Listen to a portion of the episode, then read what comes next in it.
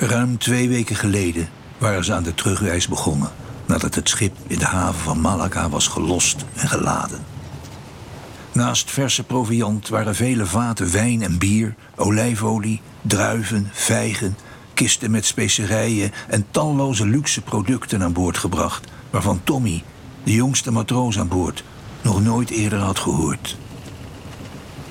Nadat de straat van Gibraltar veilig was gerond en de driemaster de beruchte kapersnesten achter zich had gelaten, ging de route noordwaarts over de Atlantische Oceaan richting Noordzee, met als volgende tussenstop de reden van Texel.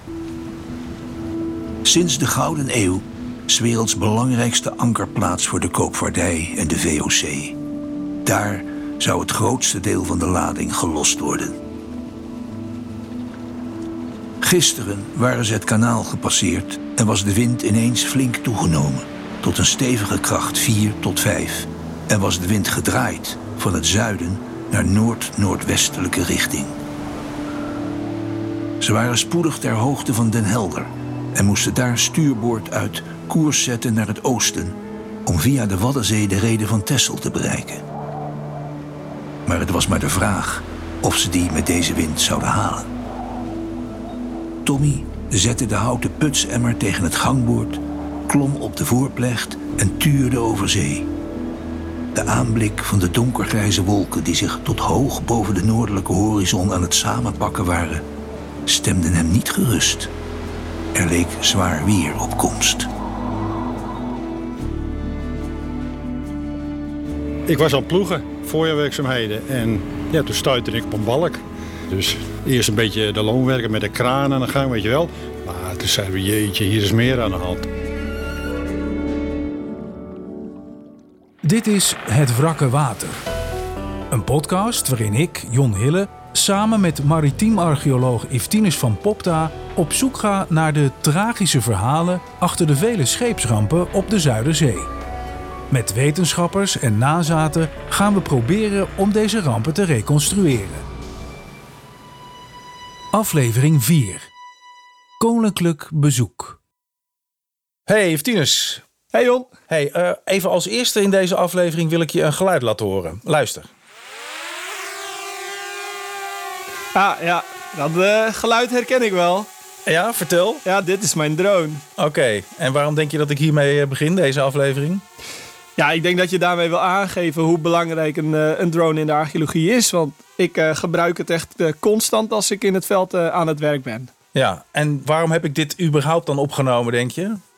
Nou, een tijdje geleden waren we op de akker van de landbouwer Douwe Dijkstra. Die woont aan de hele poëtische kavel NK472. En eh, ja, op die plek heb ik heel veel gebruik gemaakt van de drone om het wrak dat daar lag in kaart te brengen. Precies. Nou, en in deze aflevering gaan we dan ook chronologisch het proces volgen. Vanaf het moment dat een wrak is gevonden tot en met de identificatie, de hopelijke identificatie, van vaak honderden bijzondere vondsten. En dus hopelijk ook het uiteindelijke doel, de naam van het schip. Nou, Eftinus, we hebben er al in eerdere afleveringen van deze podcast over gesproken. Maar toch nog even, waarom is het nou zo belangrijk dat jij de naam van een wrak weet te achterhalen? Ja, nou, ik ga ervan uit dat als je de naam weet te achterhalen, dat dat de sleutel is tot het vaststellen van de identiteit. En je kan dus bepalen wie de opvarenden zijn geweest, eh, wat er met ze is gebeurd, wanneer het schip is gezonken. Dus eigenlijk gewoon de hele nasleep van de ramp in kaart brengen. En dat maakt het verhaal persoonlijk en, eh, en tastbaar. Juist, nou en daarom waren wij dus op die kavel van de boer Douwe Dijkstra in Rutte. Dat ligt in de kop van de Noordoostpolder. Want hij is in 2016 al op iets heel bijzonders gestuurd. Ik vroeg hem wanneer hij doorhad dat hij echt op een scheepswrak gestuurd was. Nou, toen ik eh, met de schop aan de gang was, en, nou ja, de, de ploeg hè, die heeft allemaal elementen. En er zit een breekbout erin voor het geval dat. Maar die sloeg helemaal om. En ja, toen, eh, toen ging het mis, zeg maar. Nou, dan ga je graven en eh, dan, kom je, dan kom je op een schip uit, zeg maar. Ja. Ze hadden in het verleden al een keer vooronderzoek gedaan. Van Stichting Nieuwe Land, hè. Dick, Dick Veldhuizen, die was toen eh, de man van het Nieuwe Land hè, in Lelystad. En die eh, had vooronderzoek gedaan, maar die dacht het... Nou, het is een klein bootje van 14 meter of zo. Oh, dus die had toen ook al hout ja, gevonden? Ja, ja, die had al wat onderzoek gedaan en het was ook bekend. Hè? Ik bedoel, eh, er liggen 400 scheepswrakken in de polder. En dan zeggen ze, ah, dat is niet zo belangrijk, weet je wel. Daar liggen er meer van. Maar goed, daar is het toen bij gebleven. Dat was al een paar jaar daarvoor, moet ik zeggen. Douwe, ja, dat is natuurlijk het land waar, waar het schip uiteindelijk gevonden is. Dit is Harco Bergman. Hij is boswachter van het Kuinderbos. Dat is het grootste en oudste bos van de Noordoostpolder, wat vlak bij de vindplaats van het wrak ligt.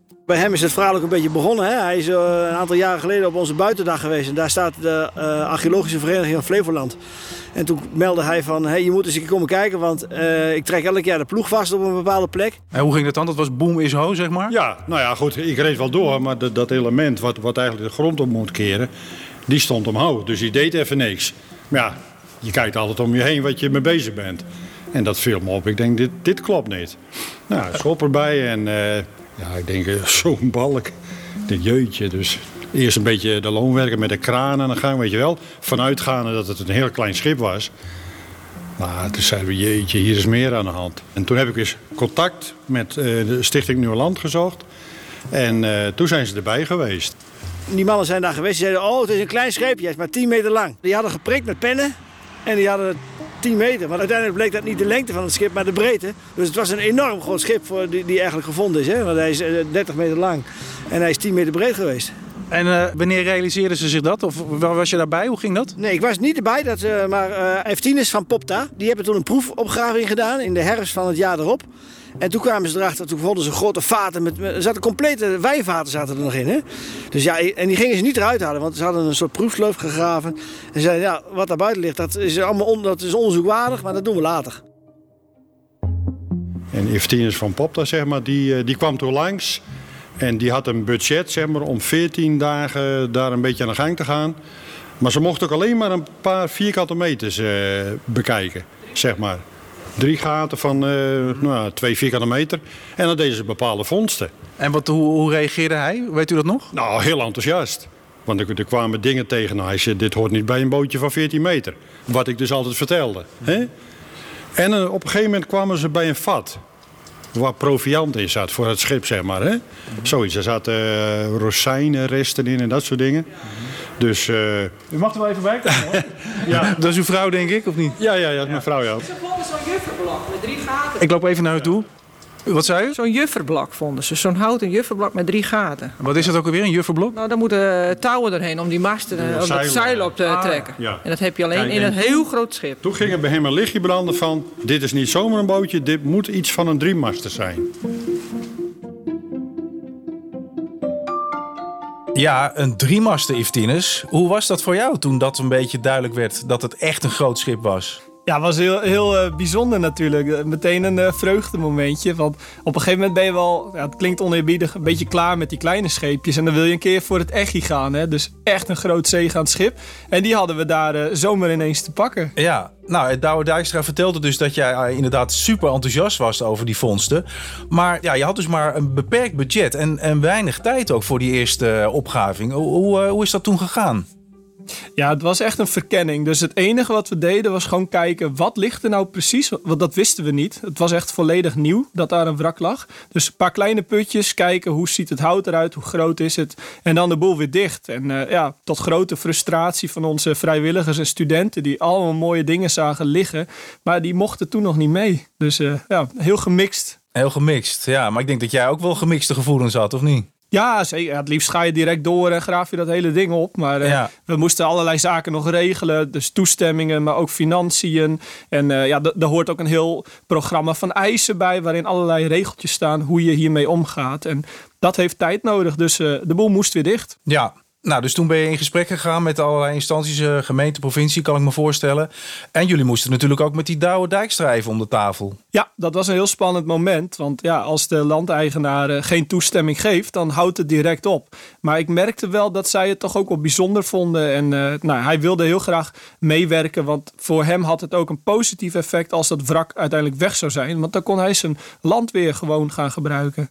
Toen kwam hij in die twee jaar weer een keer terug. 2018 februari, maart of zo. En toen hebben we om een tafel gezeten van willen jullie daar meewerken? Want de gemeente Noordoostpolder die gaat nu de zaak financieren. Nou, en hoe nu verder? Ja. Maar ja, goed, hun zeggen ja, daar willen wij een jaar over doen of zo. En toen dacht u, wacht even. Ja, ik denk dat belemmert mij in mijn bedrijfsvoering. Ja. makkelijk zat. Maar goed, hij zei, je mag alle wensen kenbaar maken wat jij graag wil. Ja, nou, dat is ook gebeurd. Want uh, de gemeente Noordoostpolder heeft voor compensatie gezorgd bij boer Douwe Dijkstra. Dat hij dus al zijn onkosten vergoed kreeg. En dat hield dus in dat de toestemming kwam en dat we aan de slag konden. Uh, met studenten van de Rijksuniversiteit Groningen, van archeologie, maar ook heel veel vrijwilligers. En we hebben toen in 2018 echt ja, in een aantal maanden tijd meer dan duizend vondsten uit dat wrak gehaald. Ja, en dat is eigenlijk ook heel bijzonder hè, dat jullie zo gigantisch veel vondsten hebben gedaan. Ja, je kan uh, hardop zeggen dat dit het meest rijke scheepswrak van Flevoland is. In geen enkel ander wrak zijn zoveel vondsten aangetroffen. En dat maakt het al heel bijzonder. Nou, en boswachter Harko Bergman, die aan het begin van deze aflevering al hoorde, hij was ook heel nauw betrokken bij de opgraving, kwam vaak kijken. En hij kan ook goed vertellen waarom alles aan boord van het schip zo goed geconserveerd is gebleven. Nou ja, uiteindelijk bleek dat hij zeg maar eh, in twee stukken in de grond lag. Dus hij is waarschijnlijk door de storm gaan wiegen en in tweeën gebroken, naar beneden gezonken. En dat is ook de, daarom is hij ook zo goed geconserveerd gebleven. Want een schip wat normaal zinkt, die staat op de zeebodem, die zakt daar een beetje in. En alles wat daarboven zit, zit dan boven water. Maar dit was echt allemaal een meter, anderhalve meter onder de grond. Dus supergoed geconserveerd. Dus echt helemaal in de bodem weggezonken? Helemaal in de, in de bodem is die weggezonken. Maar dat kun je toch bijna niet voorstellen? Want ik bedoel, oké, het is een heel zwaar schip. Maar was die bodem van de Zuiderzee dan zo poreus? Uh, het was zo zacht eigenlijk? Het was, hij lag natuurlijk een stuk uit de kust. Dus hij lag niet meer op het, op het strand. Hij lag uh, al in de, in, in de kleiige grond, zeg maar. Ja, en dat is natuurlijk hele weken prut geweest in die tijd. Ja. Dus daar is hij gewoon in weggezakt door zijn gewicht. Ja, door de golfbeweging. En uiteindelijk daar in zee verdwenen.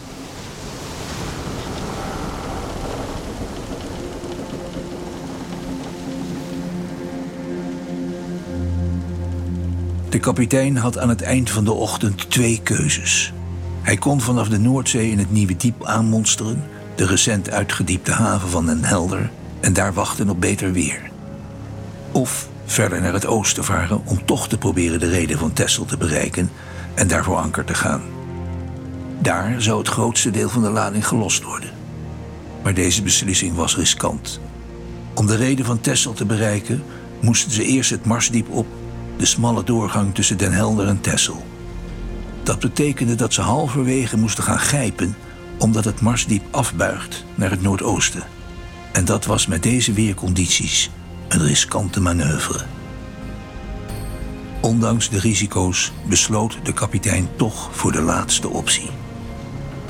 En hij had het gevaar goed ingeschat. Ze hadden bijna een klapgrijp gemaakt omdat een van de matrozen de bulletalie van het grootzeil niet goed had vastgezet. Die lijn moet voorkomen dat de giek van het grootzeil in één klap naar de andere kant van het schip overwaait, met alle risico's van dien. Het was kantje boord, maar vanwege de snelle actie van een alerte matroos liep het goed af. De noordwesterstorm nam nog steeds in kracht toe en het schip werd steeds verder landinwaarts de Zuiderzee opgestuurd. De reden van Texel leek met deze wind onmogelijk bereikbaar. En de beruchte stroming die vanuit de Noordzee tussen de Waddeneilanden kwam, hielp daarbij niet mee. Integendeel.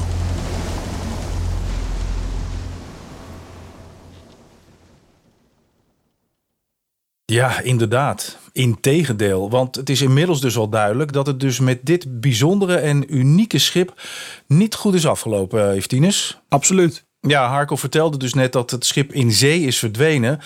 Maar ja, het is dus niet letterlijk verdwenen, want het is dus al die jaren heel goed geconserveerd gebleven. Hoe zit dat nou precies? Ja, nou, een klein technisch verhaaltje zit erachter. Een bekend wrak als de Titanic ligt bijvoorbeeld heel diep en die wordt kapot gedrukt door de kracht van het water. Die blijft op de zeebodem liggen, dat is zand. Maar dit wrak is als het ware maar een paar meter uh, naar beneden gezonken, op de hele zachte Zuiderzeebodem terechtgekomen en ook daar nog eens in weggezonken. Dus hij ligt eigenlijk helemaal afgedekt, eerst door water en dan door grond. En dat zorgt ervoor dat er geen bacteriën bij kunnen komen, er komt geen zuurstof bij. En als dat er niet is, dan kan materiaal eigenlijk niet ja, verrotten, om het maar heel oneerbiedig te zeggen. Zorgt er dus voor dat wij van alles terugvinden van de meest uiteenlopende soorten materialen.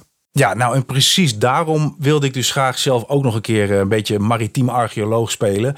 Om te kijken of we misschien nu ook nog resten van het wrak zouden vinden in Rutte. Ja, snap ik. Daarom heb ik je ook meegenomen naar de wraklocatie. En uh, je zag al, hè, daar staan nu aardappelen. Maar het wrak heeft daar dus ooit gelegen. op zoek naar, ja, nou wat, wat vind je nou het meest hier nog aan, aan kleine artifacts, aan kleine resten? Als we wat vinden, dan is het waarschijnlijk hout. En misschien wat aardewerk en, uh, en steenkool. Ik heb vergeten om een schep mee te nemen trouwens. Ik zie al wat. Ja? Kijk, een stukje hout. Oh ja. Dus daar begint het al, hè? Ja, ik denk gewoon het is een stukje zwart geblakerd uh, riet of zo. Of, nee, maar, het is, nee, dat is echt hout. Eikenhout, ja. Eikenhout zelfs. Ja, dat gaat schilferen. En dan krijg je dit soort hele kleine snippertjes. Even hoor voor de luisteraar. Ik heb dus nu een stukje hout in handen. Een stukje eikenhout van pak een beet. Anderhalve centimeter lang en uh, 5 millimeter breed. het is heel dun. Maar jij, jij weet zeker dat dit eikenhout Ja, ja, is? Oké, nee, ik hoort- vertrouw je op je woord. Maar we gaan een grote stuk Ja, zoeken. we gaan even een groot stuk zoeken. Ja. Maar we zitten op de goede plek. ja. Even kijken. Wat is dat dan? Dat is een groot ding. Is dat steen? Ik denk een kei inderdaad. Oh, ik dacht bijna dat het Ja. me- metaal was, maar dat was de ring van je paraplu. was, eh, de paraplu. Nee, een stuk steen. Ik denk, we hebben goud. Was het maar zo? nee, helaas. Nee. ik wil natuurlijk zelf ook wat vinden. Ja, jij gaat die munt vinden. Die munt, ja precies. En dit? niet de bedoeling moeten zijn. Dit is eikenhout, ja, dat zie ik meteen. Of niet? Eh, dit is dus naaldhout. Je kan het zien aan die hele dikke eh, lijnen die het hout heeft. Dus die nerf die, eh, die kan je heel mooi terugzien. Ja. Dat is typisch naaldhout, dus grenen Ja. in dit geval. En kijk, kijk als je goed ziet, er zit nog haar op. Dat is Ja. dus het breusel. Oh, breusel. Ja, ja, ja, ja, dus oké. Dit, dit staat echt tegen de buitenkant van het schip. Ja, het, is, het voelt ook, voel maar, het voelt nog een beetje pluizig Dat ook. is dus dierlijk haar. En dan Ja. hebben ze met teer er tegenaan gesmeerd. En dat er geen water tussen kon komen. Want dus dit- dit... is echt, eh, nou ja, dat is nog een mooi stukje ook hoor. Ja. Hebben? Nee, maar nee, ik hoef niet. Ja, hij heeft genoeg, ja. We hebben wel goed gevonden in deze. Ja, nou, het lag gewoon hier los in, eh, in die geul, zeg maar. Dus, nou ja, goed. Schrale oogst, maar toch wat gevonden. Ja, hè? het, het geeft aan dat de resten van het wrak er nog liggen. En, en eigenlijk is dat ook de theorie, hè, dat je kan het schip opgraven, maar de wraklocatie blijft wel gewoon bestaan. En dat zie je nu ook. Ja. Ja, dus voor al die wrakken, net als eh, de hoop die ooit zijn weggehaald, hoop ik dus zelf dat als we daar ooit teruggaan, dat we toch nog kleine dingetjes terugvinden. En dat kan al genoeg zijn. Ja. Ja, Nou, mooi. Zullen we teruglopen? ja laten we doen.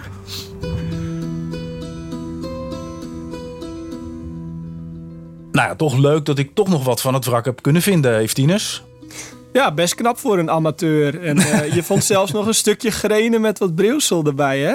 Ja, en je wilde het niet eens van me hebben. Nee, ik heb echt eh, meer dan genoeg van dat hout eh, inmiddels eh, gedocumenteerd en opgegraven en geconserveerd. Ja. Je moet je nagaan dat zo'n schip dus 30 meter lang was en hoeveel hout daar dus vanaf komt. Maar goed, dat maakt het ook heel interessant dat er zoveel teruggevonden is. Dat het zo'n groot schip is in dat ondiepe Zuiderzeewater. Ook nog eens volgeladen, waarschijnlijk met een kostbare lading. Dus je moet je toch gaan afvragen wat er is gebeurd. Waardoor is dat schip in dit ondiepe water terechtgekomen? Precies. Nou, daar komen we straks ook nog op terug. Ehm, maar je vertelde net dus dat jullie bij dit wrak inderdaad de meeste fondsen hebben gedaan van alle wrakken die je hebt onderzocht, hè? Ja, zeker weten. Ja, nou daar hebben we samen ook naar gekeken, hè? Ja, we hebben in eh, Groningen bij de Rijksuniversiteit een speciaal depot waar alles in is opgeslagen en verzameld. En Marijn Rudolfi, zij eh, studeert zowel archeologie als landschapsgeschiedenis aan de Rijksuniversiteit. En heeft tijdens de opgraving, nou ja, laten we zeggen, bijna alle objecten al in haar handen gehad, geïnventariseerd en gedocumenteerd. En ze vertelde ons onder andere wat voor haar de meest bijzondere ontdekkingen waren in het veld. Ja, ik kan me een moment herinneren eh, waarin er in het achterkant van het schip, waar een, eh, een kleine ruimte was geweest, eh daar was een, denk een tiental objecten vrijgelegd. Wat helemaal eh, alles was blijven liggen zoals het ook in het zand lag. Wat waren dat voor objecten? Eh, vooral ook servies. Eh, denk aan tinnenborden, tinnenlepels, eh, maar ook een kruikje en een glazen flesje. En het was een, een hele duidelijke scène waarbij je opeens een, kapitein in zijn schip zag zitten en van dat servies gebruik zag maken. En dat was een heel mooi verwezenlijking van, van het schip en het leven dat daarop zat.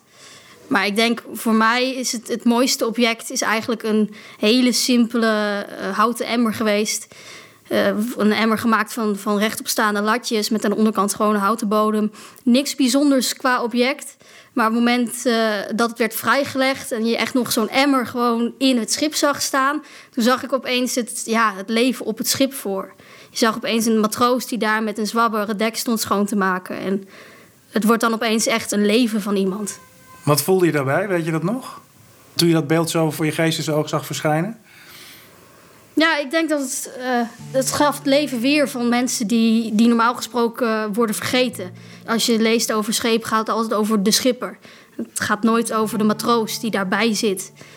En uh, dat ja, het maakt het heel, heel echt. Het komt dan heel dichtbij. Het kwam er binnen, zeg maar. Ja.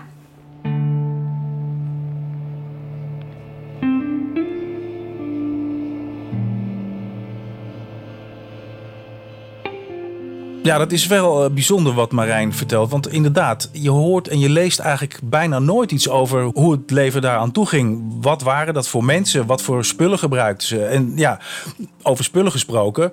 Uh, wij gingen op een gegeven moment richting het depot. En toen stopte jij mij ineens iets in mijn handen waar ik even niet op had gerekend. Je mag de kattenschedel wel meedragen. Oh, echt waar? Ja, dat is hem. Nou, ik hou hem goed vast. Oké, ik krijg hier even zo'n uh, een kattenschedel in handen gedrukt. Weliswaar in een mooi plastic zakje weer, zo'n vacuümzakje. Dat is klein eigenlijk, hè? Ja, het is een hele kleine kat geweest. Maar ja, katten hebben sowieso niet een hele grote schedel. Hoor. Maar nee. uh, ja, die hebben we gevonden in het schip. Dus dit was een van de opvarenden. En die heeft de ramp niet overleefd. Ja, het is een kattenschedel. Ja. Ontzettend mooi, schattig klein dingetje. Ja, het, het, ziet er ook heel breekbaar uit. Ja. En een kat op een schip, ja, dat is het laatste wat je verwacht. Misschien heel logisch, maar... Maar omdat we dus ook heel veel resten hebben gevonden van knaagdieren en ook uh, eitjes van kakkerlakken en dergelijke, was het dus wel een beetje een bende aan boord. En had je dus een kat nodig om dat ongedierte te bestrijden.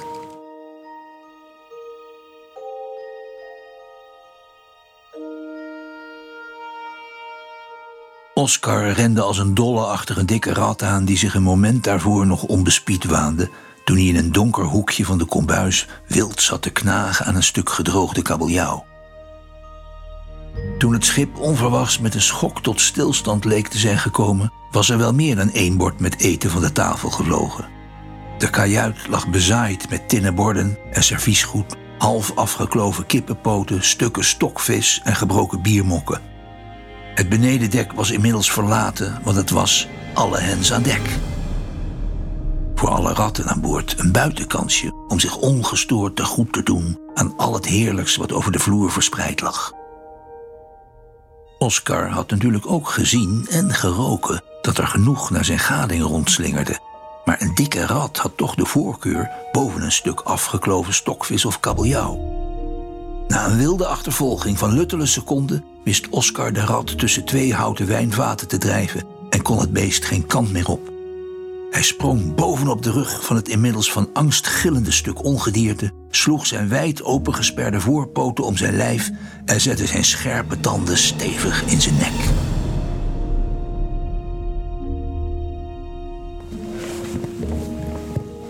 Ja, dankjewel. Gaan we weer naar beneden.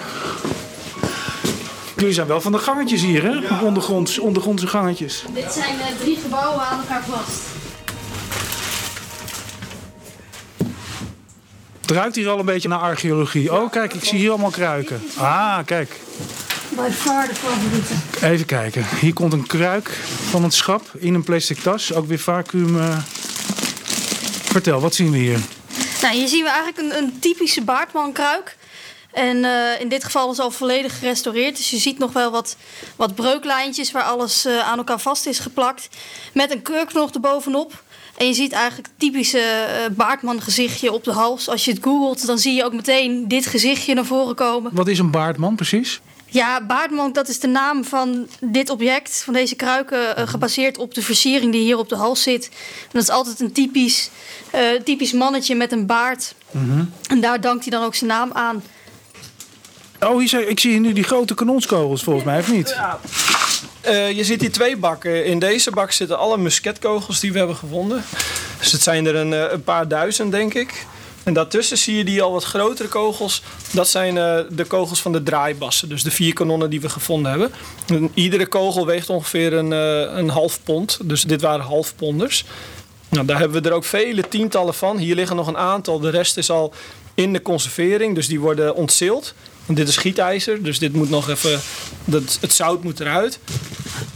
En, en als je goed kijkt, dan zie je dat daartussen ook nog allemaal kleine kogeltjes zitten. Oh ja. Dus dat noemen we hagel. Ja, weet je wat voor doel dat had? Nee. Zoveel mogelijk schade aanrichten. Dus dit zat in van die cilinders van metaal, van heel dun metaal. Die werden ook afgevuurd uit een kanon. En bij inslag spatte dat uit elkaar. Dan kreeg je dus een clusterbom.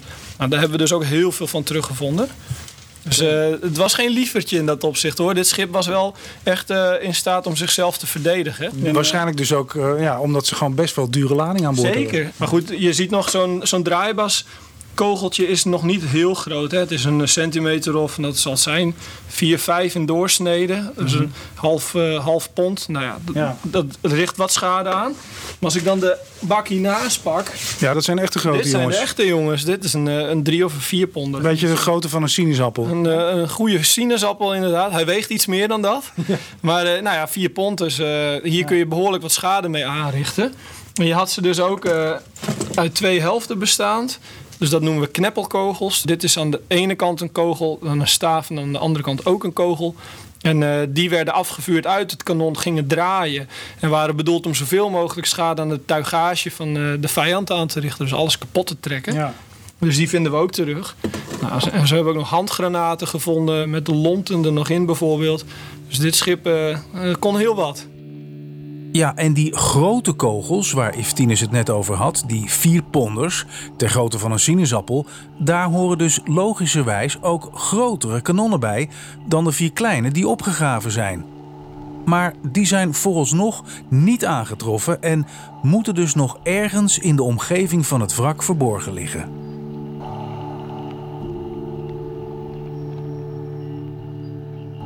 Nou, wie ook bijzondere ontdekkingen deed bij de opgraving op het aardappelperceel van Douwe Dijkstra in Rutte, is Morvenna van Rijn. Eh, die ken jij ook goed, hè, Yvtinus? Ja, dat kun je wel zeggen, ja. Ja, nou, zij is archeobotanist. Wij hebben haar die dag in eh, Groningen ook gesproken in het faculteitsgebouw naast de Rijksuniversiteit Groningen. Waar we nu zitten is eigenlijk de, de botanieafdeling. Eigenlijk gewoon de afdeling waar eh, de botanische resten uit archeologische opgravingen onderzocht worden. En ook al is er zoveel al wel bekend over, toch ook weer niet. En vooral qua consumptie. Wat aten ze? Wat dronken ze? Wat, wat deden ze aan boord? Ja, dat weten we gewoon heel weinig over. Dus ik zie het toch ook wel stiekem een beetje als mijn taak om dat in kaart te brengen. Nou, en je weet vast ook nog wel, Yvtinus, dat ik ook aan Morvenna heb gevraagd toen... wat voor haar de meest bijzondere dingen waren die ze gevonden heeft in het wrak. Nou, de exotische planten vond ik natuurlijk het meest leuk. En vooral omdat ik gewoon dan aan Eftines kon vertellen van... nou, ik heb iets bijzonders gevonden. Iets wat je totaal niet verwacht. Iets wat eh, aan kan tonen dat, ehm, dat ze toch in het mediterrane gebied zijn geweest. En de eerste die we volgens mij vonden, hè, dat was de paradijskorrel. De- De beste die er is. Ja. paradijskorrel is per definitie het mooiste botanische materiaal dat er is. Vertel, dat is, eh, wat dat is is, dat? Nou, dat is dus Eftines een, een eh, lievelingsgebruiksplant. dus echt... ja, ik denk dat Eftines beter zelf kan vertellen waarom dat zijn Het al- lievelings... als je hem onder de microscoop ziet, hij is niet zo groot. Nou, een beetje peperkorrelformaat, iets kleiner soms nog. Maar als je onder een microscoop kijkt, is het net een diamantje. Hij glinstert helemaal, hij heeft allemaal kleine schubjes en laagjes. En eh, een beetje ja, hoekig van vorm ook. Echt een heel mooi klein eh, ja, fragmentje is het dan. En het werd gebruikt als een soort van eh, peper. En het had ook een pittige smaak, iets frisser dan wat nu peper is. Het was een beetje de, ja, de equivalent daarvan. Vaak werd het gezien als een iets goedkopere vorm van peper... die je ook vanuit het mediterrane gebied kon krijgen. En toen ik zelf botanisch onderzoek deed hier op de universiteit... in mijn tweede studiejaar als opleiding, vond ik die dus ook. En ja, dan heb je daar direct een associatie mee. Dus ik zeg altijd tegen de archeobotanisten hier... Ja, het interesseert me niet wat je vindt... als je maar die paradijskorrel eruit haalt. Ja.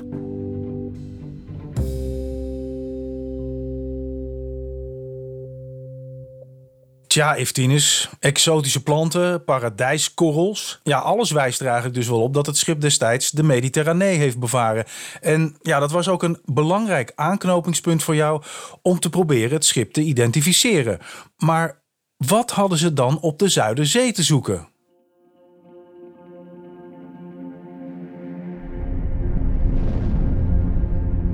Tommy was zich wezenloos geschrokken. Hij zat nog maar net beneden deks in het ruim aan het avondeten toen het schip ineens onder luid gekraak met een ruk tot stilstand was gekomen. Waar iedereen al bang voor was, was toch gebeurd. Ze waren in ondiep water terechtgekomen en aan de grond gelopen. Alles wat op tafel stond vloog door de lucht en kletterde met luid geraas op de grond. Twee baardmankruiken, gevuld met bier, waren van tafel gevallen en tegen een houten deknie uit elkaar gespat. Tommy had zich nog net op tijd aan de tafel kunnen vastgrijpen, maar andere bemanningsleden waren pijnlijk ten val gekomen of uit hun kooi gevallen. Vrijwel direct klonk de scheepsbel en schreeuwde iemand: Alle hens aan dek! door het voorluik.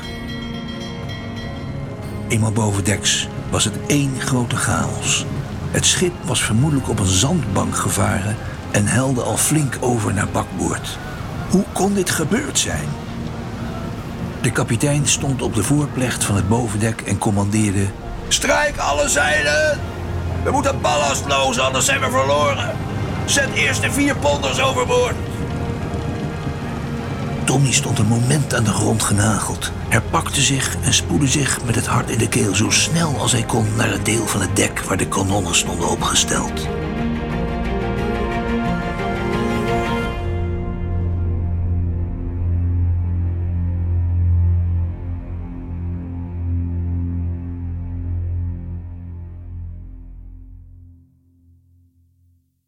Op zich zou zo'n schip de Zuiderzee nog wel op kunnen varen, maar in het deel waar die is gezonken, daar hoort hij niet. Dit schip is gezonken in een gebied waar bij normaal laag water ongeveer anderhalf tot twee meter water stond. Dus conclusie, het schip was te diep voor waar hij terecht is gekomen, dus hij is vastgelopen. Waarschijnlijk bij een zware storm.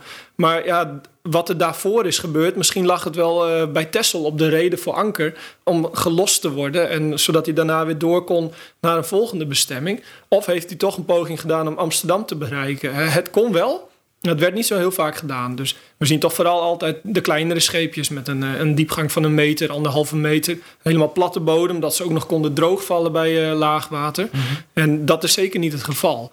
Maar het is dus de combinatie van je, van je vondsten, je locatie en het vaargebied eromheen, wat dus dat plaatje compleet maakt. Dat we weten dat dit schip dus ergens vanuit Europa is vertrokken richting Mediterrane gebied. Daar heeft het uh, producten binnengehaald en is weer teruggevaren met mogelijk bestemming Amsterdam dus. Maar vooral dit botanisch materiaal bevestigt voor mij dat het dus specifiek een straatvader als functie eh, was. En dat is een belangrijke identificatie, want dat geeft aan dat het een schip was die door de straat van Gibraltar ging naar het Middellandse zeegebied en dan weer terugvoer. Maar specifiek door die straat. En dat soort schepen werden in die tijd ook straatvaarders genoemd. En dat zijn dus vaak ja, eh, middelgrote tot grote koopvaardijschepen. Ja, allemaal heel interessant, uh, maar hebben jullie nou na al dit onderzoek en al die duizenden fondsen van paradijskorrels, kruiken met olie, wijn, bier, noem maar op, heb je nou uiteindelijk ook het wrak kunnen identificeren? Nou, alle vondsten die wijzen in ieder geval op een groot internationaal vrachtschip. Dat staat al vast. Dat vertelde ik je net. We kennen weinig schepen die zo groot waren, dus meer dan 30 meter. Het is ook nog eens een driemaster. Dus we kunnen al heel veel vertellen over het vaargebied, wie er aan boord waren, waar het naartoe ging, etc. Maar kun je dan wel wat meer vertellen over hoe oud dit schip is geweest? Ja, absoluut. We weten op basis van het hout, daar hebben we de jaringen voor onderzocht, dat het schip is gebouwd omstreeks 1705. En de vondsten die wijzen allemaal op een datering in het eerste kwart van de 18e eeuw, vermoedelijk tussen 1715 en 1720. Dus toen moet hij zijn gezonken. Nou, en dat is op zich ook al bijzonder, hè? want de meeste wrakken die in de voormalige Zuiderzee zijn gevonden en die wij in deze podcast hebben besproken, ja, die zijn allemaal laat 19e en zelfs begin 20e eeuw gebouwd. Ja, dat klopt. Ja, er was er veel scheepvaart. Ja, oké. nou, dus je wist inmiddels dus dat het om een internationaal vrachtschip ging. Maar ja, toen was je nog steeds niet bij de identificatie. Hoe ben je toen verder gegaan? Ja, dan zoom je dus in. Dus dan ga je kijken naar de kleine dingetjes die op je vondsten staan. Merktekentjes, jaartallen, namen, etc.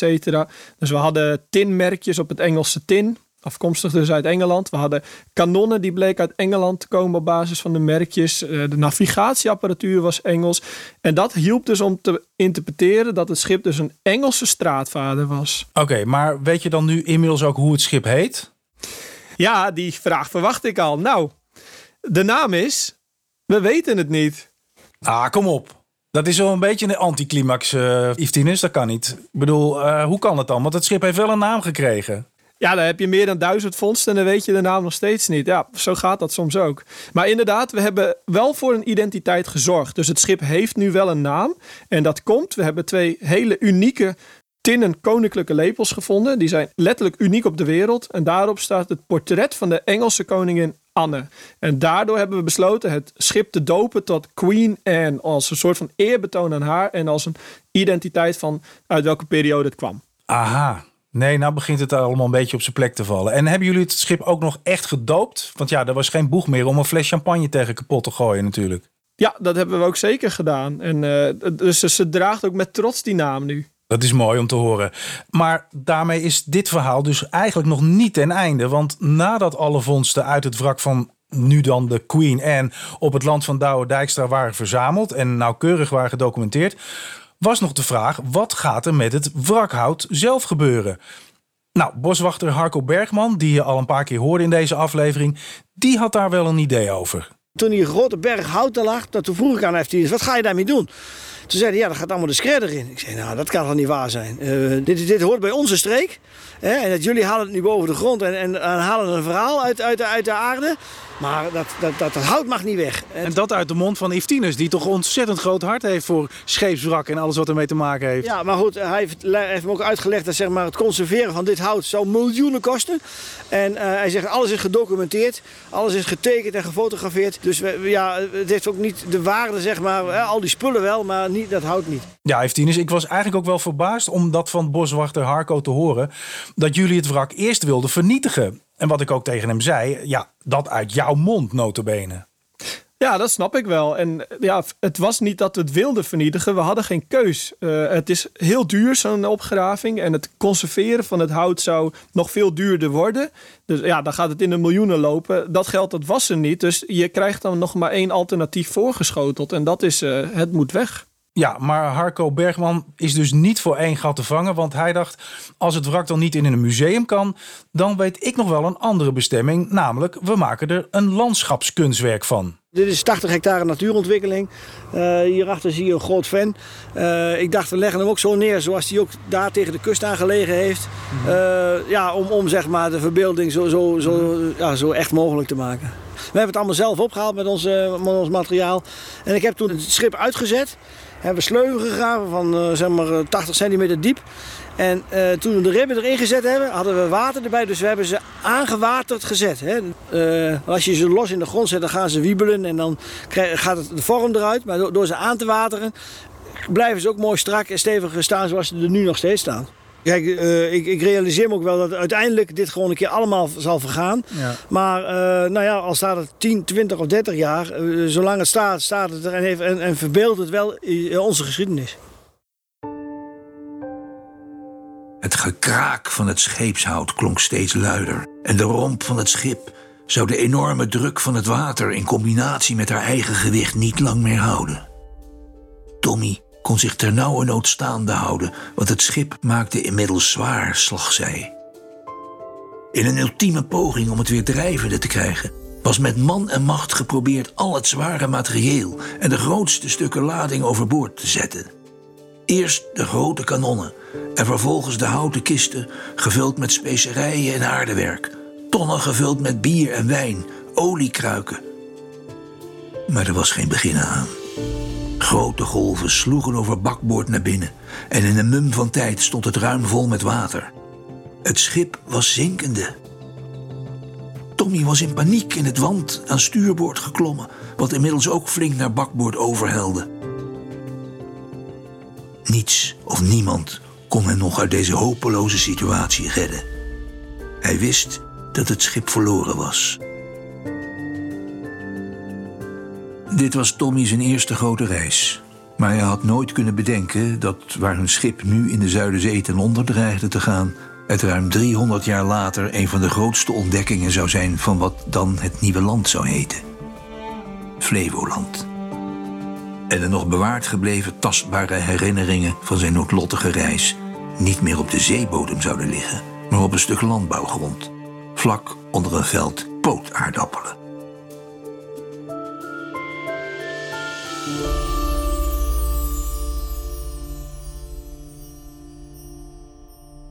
Nou, tegenwoordig ligt de Queen Anne vorstelijk op haar ereplaats langs de Schotenweg. En dat is vlakbij plaatsje Band op korte afstand van Rutte. De koningin staat klaar u te ontvangen. Ja, en dat was dan het verhaal van de Queen Anne. Nou, en als je als luisteraar meer wil weten over het onderzoek van Iftinus naar de Queen Anne, daar heb jij dus een uitgebreid rapport over geschreven. Dat klopt inderdaad, ja. Ja, nou dat kun je terugvinden op de website van het Wrakke Water. Dat is hetwrakkewater.nl. En ook van de andere wrakken die we hebben besproken in deze serie kun je daar meer informatie en beeldmateriaal van terugvinden. Ja, en eigenlijk ben ik toch wel benieuwd. Zijn er niet nog veel meer verhalen te vertellen, Evtinus? Ben je nog op andere wrakken gestuurd of ben je nog met ander onderzoek bezig? Ja, ik denk dat we de volgende serie kunnen gaan beginnen binnenkort. Uh, ik ben bezig met een nieuw onderzoek naar een wrak, wat uh, op papier al heel interessant uitziet. En uh, op de achtergrond spelen al een paar andere onderzoeken ook, dus wie weet. Nou, ik ben de eerste die je mag bellen, want wat mij betreft smaakt het zeker naar meer. Dus tot de volgende, Evtinus. Tot de volgende, Jon. Dan uh, kan ik nu de aftiteling starten. Het Wrakke Water is een podcast van High Level Media Producties, mede mogelijk gemaakt door de provincie Flevoland. Research Renate van der Zee. Format en scriptontwikkeling Jonathan Grubert. Mijn co-host en adviseur is Iftinus van Popta. De fragmenten werden voorgelezen door Bartel Braat. De themamuziek en de lieden werden gemaakt door JP Geersing. De aanvullende muziek is van Blue Dot Sessions en Epidemic Sound. Productie, eindredactie en montage door mij, Jon Hille. Met speciale dank aan iedereen die verder aan deze podcast heeft meegewerkt. En vond je de podcast mooi en interessant? Deel hem via social media en laat een review achter in je podcast-app.